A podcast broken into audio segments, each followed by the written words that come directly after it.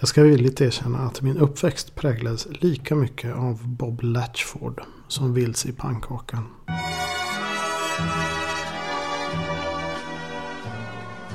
We'll meet again.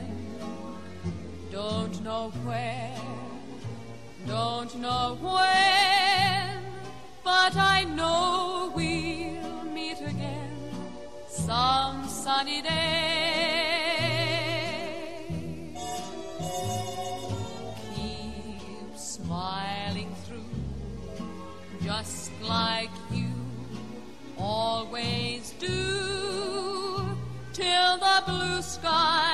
På drive the dark clouds far away. Det var en stor, tung centerforward i Everton som 1977-78 sprängde den då smått omöjliga 30-målsvallen och fick faktiskt dryga 30 000 pund för insatsen.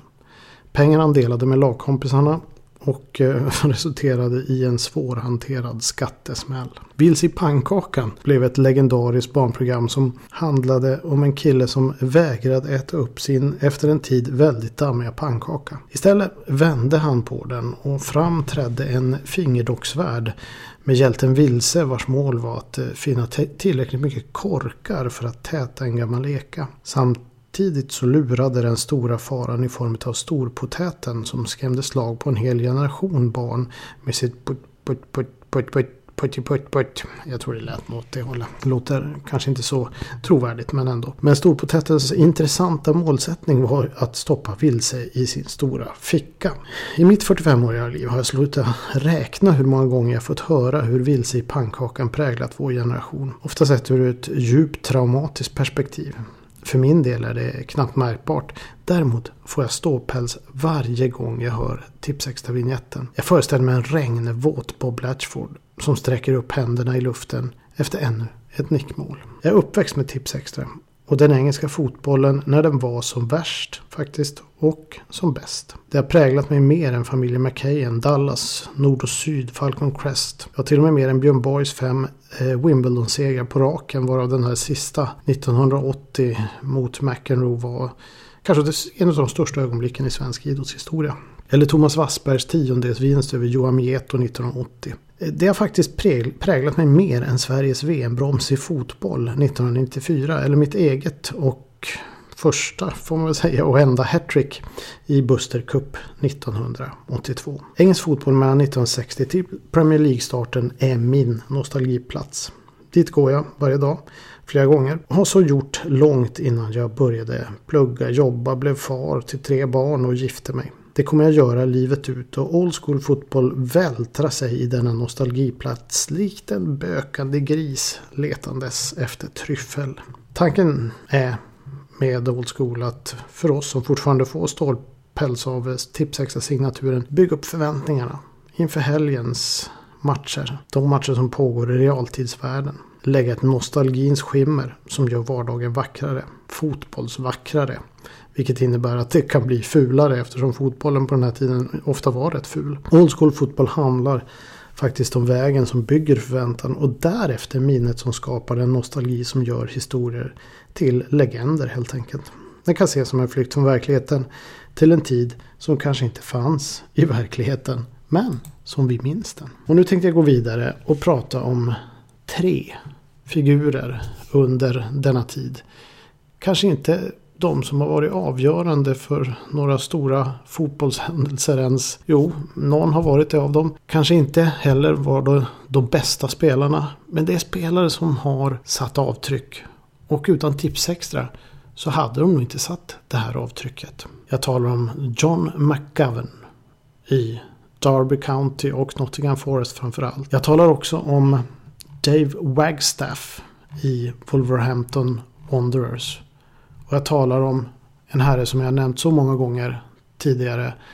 Alan Hinton i Derby County. Lite av en favorit. En spelare som inte såg ut som en fotbollsspelare. Men med boll var han en magiker. Ni lyssnar på Old School Football Podcast.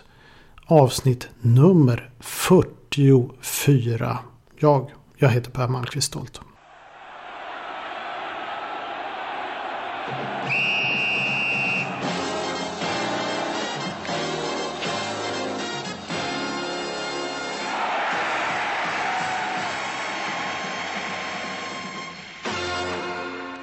Han hade ju inget vidare skott. Var inte särskilt snabb. Sprang lite grann som en kråka.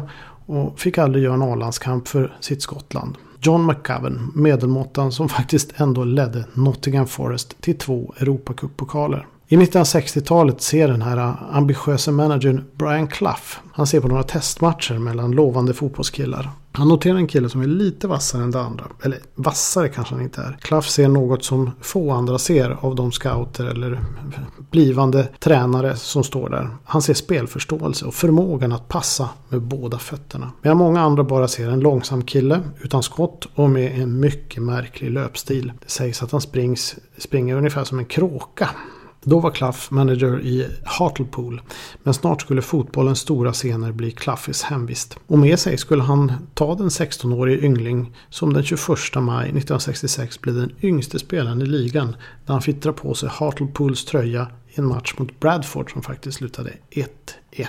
John McGovern. Men det hade inte varit enkelt.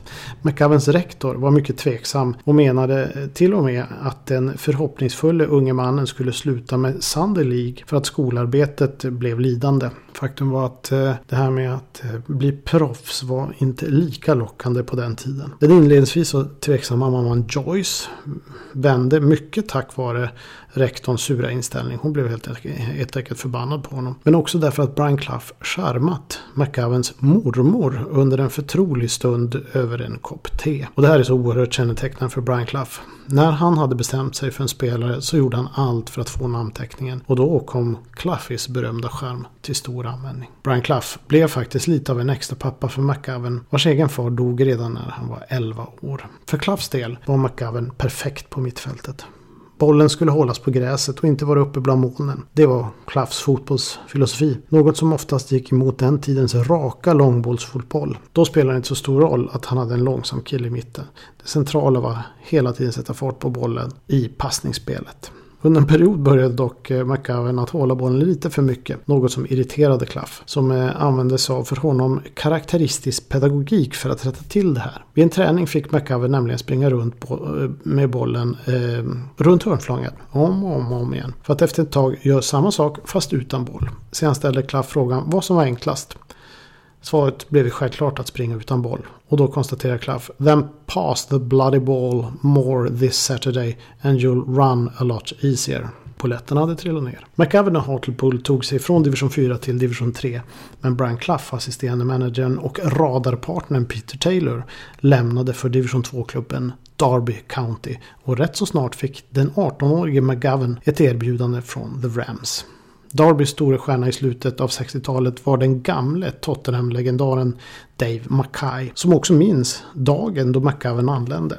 Välkammad, ung och på cykel. Mackay var övertygad om att det var en pojkspoling som ville ha en autograf. Och inte blev han väl mer övertygad när han såg den unge pojken röra på sig på träningsplan. Men John McGovern skulle bli en av nyckelspelarna i Derby County som Clough och Taylor tog från division 2 till högsta serien och 1971-72 bärgades också ligatiteln. En nästan ofattbar prestation av lilla Derby. Men också för Ronge McGowan som därmed på kort tid rest genom samtliga fyra divisioner och fått lyfta den finaste pokalen av dem alla.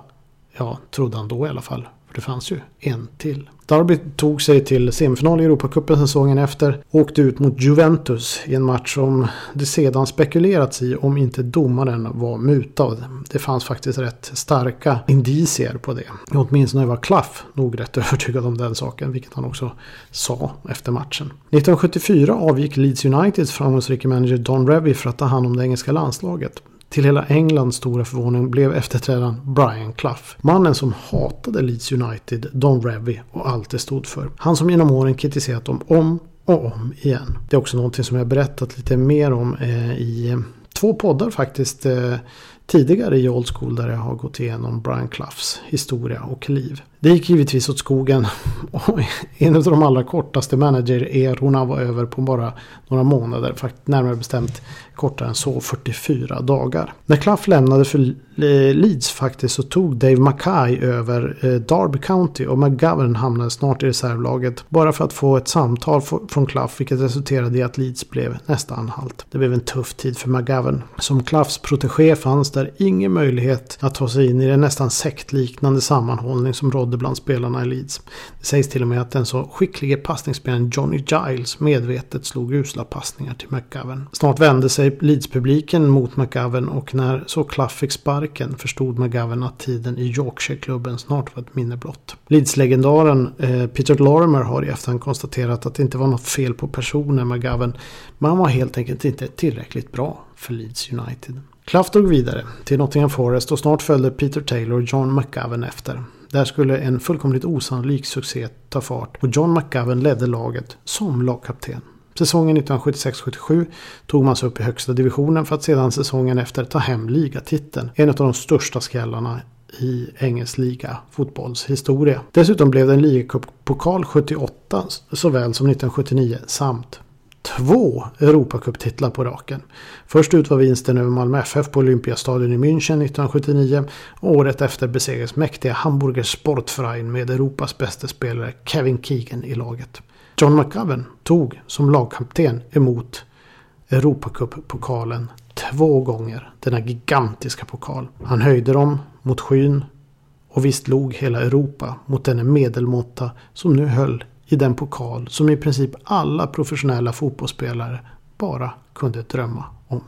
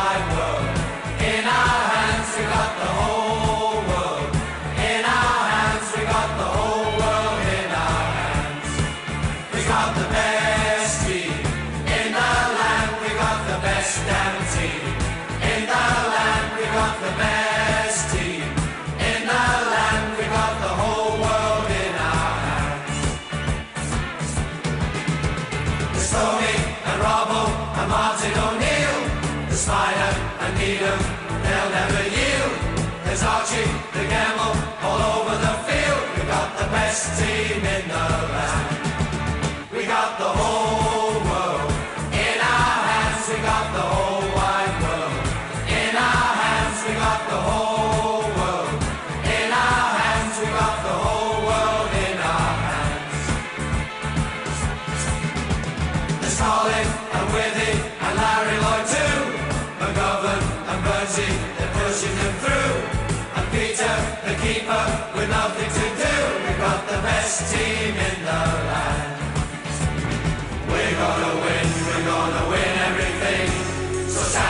Sing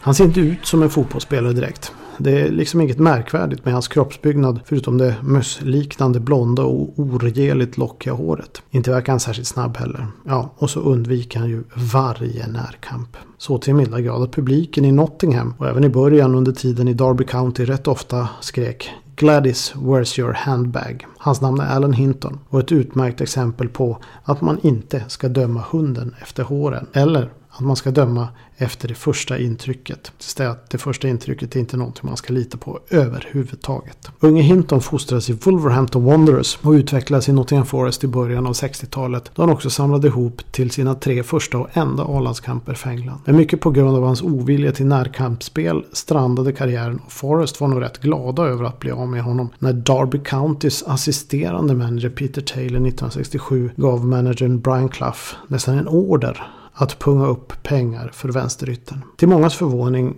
faktiskt för vid blott 24 års ålder ansågs Hinton vara överskottsmaterial. Men Clough litade på Peter Taylor. Det var oftast Peter Taylor som sökte upp vilka spelare som skulle värvas och Klaff som såg till att värva dem. Ursprungligen så var Hinton högerytter. Eh, men den legendariska Wolfsmannen Stan Cullis tvingade honom att använda en tygsko på högerfoten och en riktig fotbollssko på vänster till dess att han bemästrade båda fötterna lika bra. Öknamnet Gladys och handväskeryktet var dock så pass etablerat när Taylor och Brian Clough fått eh, Hintons underskrift undrade en av styrelseledamöterna om vilken färg Hinton ville ha på sin handväska. Även fansen i Derby gav Hinton en inledande tuff tid. Hans utseende med ett vildvuxet blont och lockigt hår gjorde inte saken lättare. Och inte blev det bättre av att Hinton var en av några få spelare som accepterade sponsorkontrakt med det ambitiösa tyska skoföretaget Hummel eh, och därmed tvingades bära vita skor. Under en period och i en miljö där det sällan lönade sig att sticka ut om man inte gjorde något magiskt med bollen förstås. Andra färger än svarta skor var extremt ovanligt i början på 70-talet. Först ut var Evertons Alan Ball som i och för sig då tyckte att Hummelskorna var för dåliga och målade över sina Adidas istället. Vilket Hummel sen kom på och han, eh, ja, utbetalningar slutade helt enkelt. Fyra år efter övergången 1967 var Hinton bäste målskytt när Derby County lyfte ligatiteln 1971-72. Peter Taylor och Brian Clough såg något i Hinton som andra inte såg. De såg två magiska fötter och en extremt modig spelare. Brian Clough fick ett råd av hans erfarne företrädare i, som var manager i Derby County, Harry Storer. If and when you become a manager, always bear in mind when you are leaving for a away game, look around the team coach and count the number of hearts. If you're lucky, there will be five. If there aren't, turn the coach around and go back. Ord som Klaff tog till sig och menade att han skiljer på spelare som har en tendens att försvinna eller gömma sig i ett hål och det som alltid visar sig alltid har moral att visa sig. En av de som alltid vågade var just vänsterbreddaren Alan Hinton. I en biografi från 1994 konstaterar Clough If he had scored some of his free kicks not for Derby County but for Brazil in the recent World Cup finals the television companies would be replaying them for the next four years to illustrate how We don't have English players who can do this. Ge bara hint om bollen och en yta så löser han resten. Nästan lite för tekniskt begåvad för att vara engelsman. Samma behandling skulle senare skotten John Robertson få när Claff och Taylor förde Nottingham Forest till framgångens himmel. Det hade alltid öga för vilka uppgifter som passade varje enskild spelare och hur dessa sammanlänkade med laget som helhet. Vilket i sig gav framgång och spelare som ofta presterade på max och ibland över förväntad förmåga. Enligt eh, Derby Countys lagkapten och mittbacksklippa Roy McFarland dreglade nästan Peter Taylor över spelare som Hinton. Taylors definition av riktiga fotbollsspelare var det som kunde göra något konstruktivt med bollen. Ofta gav han McFarland en vänlig armbåge och sa “But don't you worry about that Roy. Just keep winning your headers and tackles”. Alan Hintons karriär gick sedan vidare i USA. Där han både som spelare och tränare gjort en strålande insats faktiskt. Alan Hinton, en av de där lirande herrarna som sällan sågs med blida ögon under en period då mycket handlade om att get stuck in. Och det som ville lira boll hamnade, om de hade tur och var överbegåvade, ute på en kant. För att sedan ofta tyna bort då bollarna flög över mittfältet. Brian Clough och Peter Taylor hade en annan fotbollsfilosofi redan på den tiden. Och Gladys drämde handväskan i huvudet på belackarna.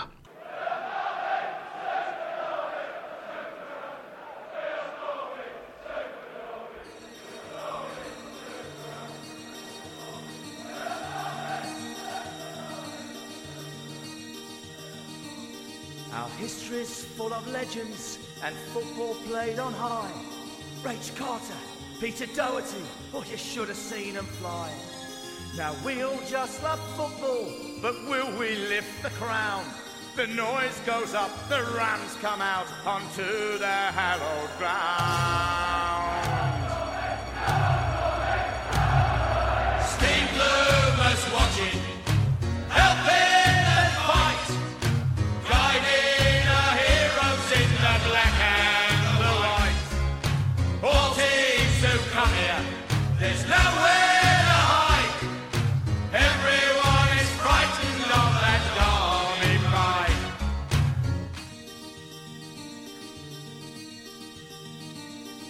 Rams just play football that make our hearts so proud.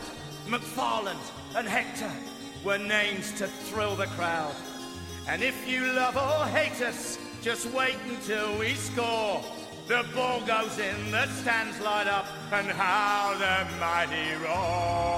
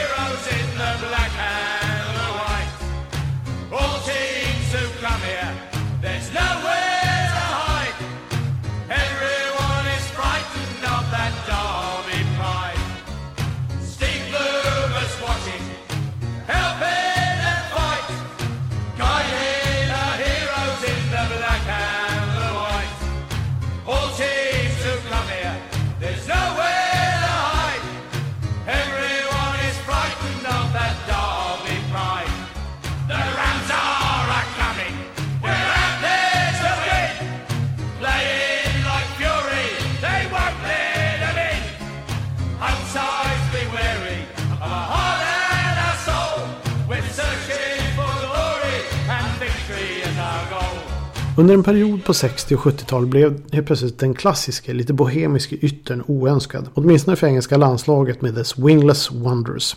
Men för fansen fanns det alltid plats för dessa underhållare, vilka ofta avgudadyrkades. Och en av de allra främsta gick under namnet Dave Wagstaff. Wolves-kännaren och eh, historikern Steve Gordos tar en pint på The Shoulder of Mutton Pub i Tettenhall i Wolverhampton. Han är inte ensam utan tillsammans med en något grånad man som dock fortfarande kan lägga an en torr, ironiskt kvick kommentar. Dave Wagstaff. Waggy. En av de flinkaste och mest eleganta yttrar som aldrig fått göra en landskamp för England. Anledningen var flera, men sannolikt inte beroende på hans förmågor på plan. Wagge var som bäst under en period då Englands manager Sir Alf Ramsey vann VM med hjälp av en då nydanande idé att spela 4-3-3 utan yttrar som sagt. Waggy var en riktig ytter, ingen större målgörare men med förmågan att flyta fram över leriga, isiga och allmänt usla planer. Det var inte så många som hade den gåvan på den tiden. Wagge var dock en av dem. Dessutom hade han en magisk förmåga att med pricksäkra inlägg finna Wolves giftiga forwards, vilka bar namn som John Richards och Derek Dogan och ibland så kom Kenny Hibbett lö löpande eh, från mittfältet. När Wagstaff gjorde mål handlade det aldrig om några tap-ins utan screamers. Många menade att han var lika bra som Wolves legendariska yttrar på 50-talet, vilket nog är den finaste komplimang man kan få. När Waggy fick bollen så tystnade Molyneux av förväntan, bara för att undan för undan låta jublet stiga då han satte fart. Ibland utmanade han och bytte tempo, ibland flöt han bara fram, ibland kom det perfekta inlägget. En underhållare.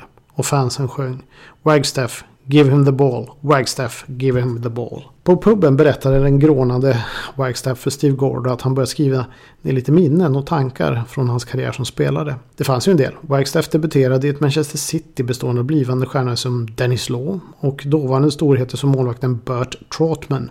En tysk målvakt som spelat en FA-cupfinal på 50-talet med bruten nacke.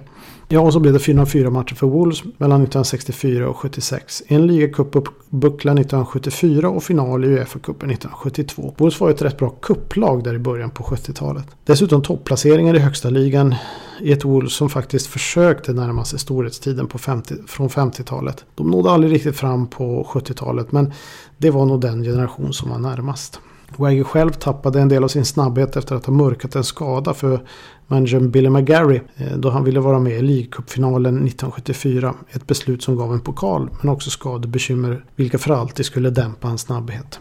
Han avrundade karriären i Blackpool och Blackburn Rovers. I den senare gick han eh, till den engelska fotbollshistorien då han blev den första någonsin att få ett rött kort. I sig rätt okaraktäristiskt då Waggy var långt ifrån en buse på plan. Egentligen så långt ifrån en buse man kan komma. Utanför plan gillade han dock en och annan öl. Rökte både före, efter och under och gärna i halvtidsvilan på matcherna. Eh, tog inte fotbollen särskilt allvarligt och likt många andra begåvade yttar från den tiden gick lite på tvärs. Läste gärna böcker i spelbussen och när han lite försiktigt antydde att han höll på att skriva lite om sin tid som fotbollsspelare ja då drog Steve Gordo öronen åt sig och stämde nytt möte på samma pub bara några dagar senare med uppmaningen att Waggy skulle ta med sig anteckningarna. Över en pint noterade Gordo att det här var lysande. Och på den vägen blev det och snart kom Waggys Tale ut och den kan man faktiskt köpa idag. Ni kan gå in och kolla på Amazon. Wolves-klassikern Hi Ho Silver Lining ljuder likt balsam för själen när Waggys kista bärs in i St. Peters Collegiate Church för den sista vilan i augusti 2013. Endast 70 år gammal, men en man som skapat legender för Wolves fans att berätta så länge hörsägen orkar klinga. Och det lär den göra länge, mycket länge. Och från himlen kan man nu höra Wagstaff, give him the ball. Wagstaff, Grim the Ball. Old school fotboll. I väntan på lördag. Skål på er.